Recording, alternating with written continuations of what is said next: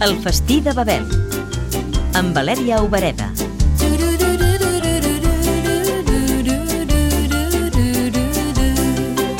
Mucha gente piensa que la comida japonesa es sushi, pero comemos sushi solo una o dos veces al año para celebrar alguna cosa.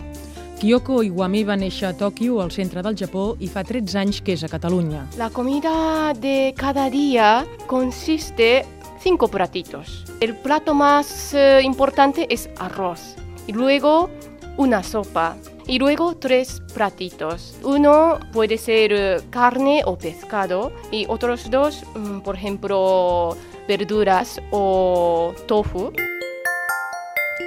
Al país de les cerimònies, alguna norma per menjar? Comemos todo a la vez.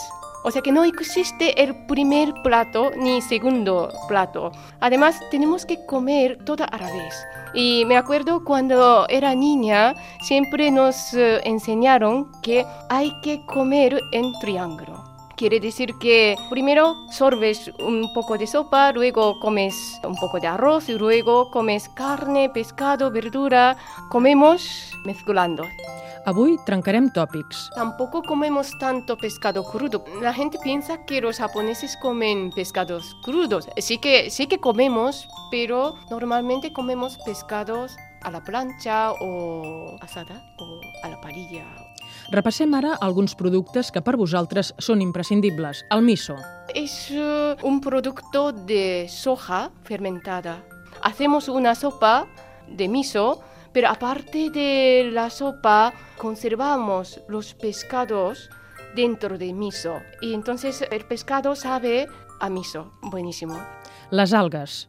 Utilizamos para sushi y para bola de arroz. Por ejemplo, cuando tenemos que llevar alguna comida a la escuela o, o a picnic, aquí la gente lleva bocadillo, ¿no? Pero allí normalmente llevamos bolas de arroz. Envolvemos las bolas con algas, con nori.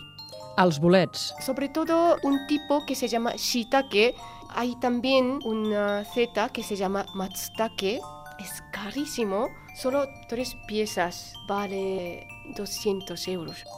I encara que el sushi no sigui tan habitual com ens pensàvem, parlem-ne una mica. Nigirizushi es una bola de arroz. Encima se pone un trozo de pescado. Y otro enrollado se llama makizushi. Y también podemos arroz mm, dentro de un bol muy grande. Entonces encima ponemos pescado crudos o nori o tortilla de huevos. Esto también se llama sushi. No ens has dit res de les postres. Normalmente para la comida de cada día no comemos ningún postre. Pero sí que tenemos algo dulce que comemos normalmente en los días festivos, sobre todo judías rojas, ankomochi. Bon profit, Kyoko. いただきます。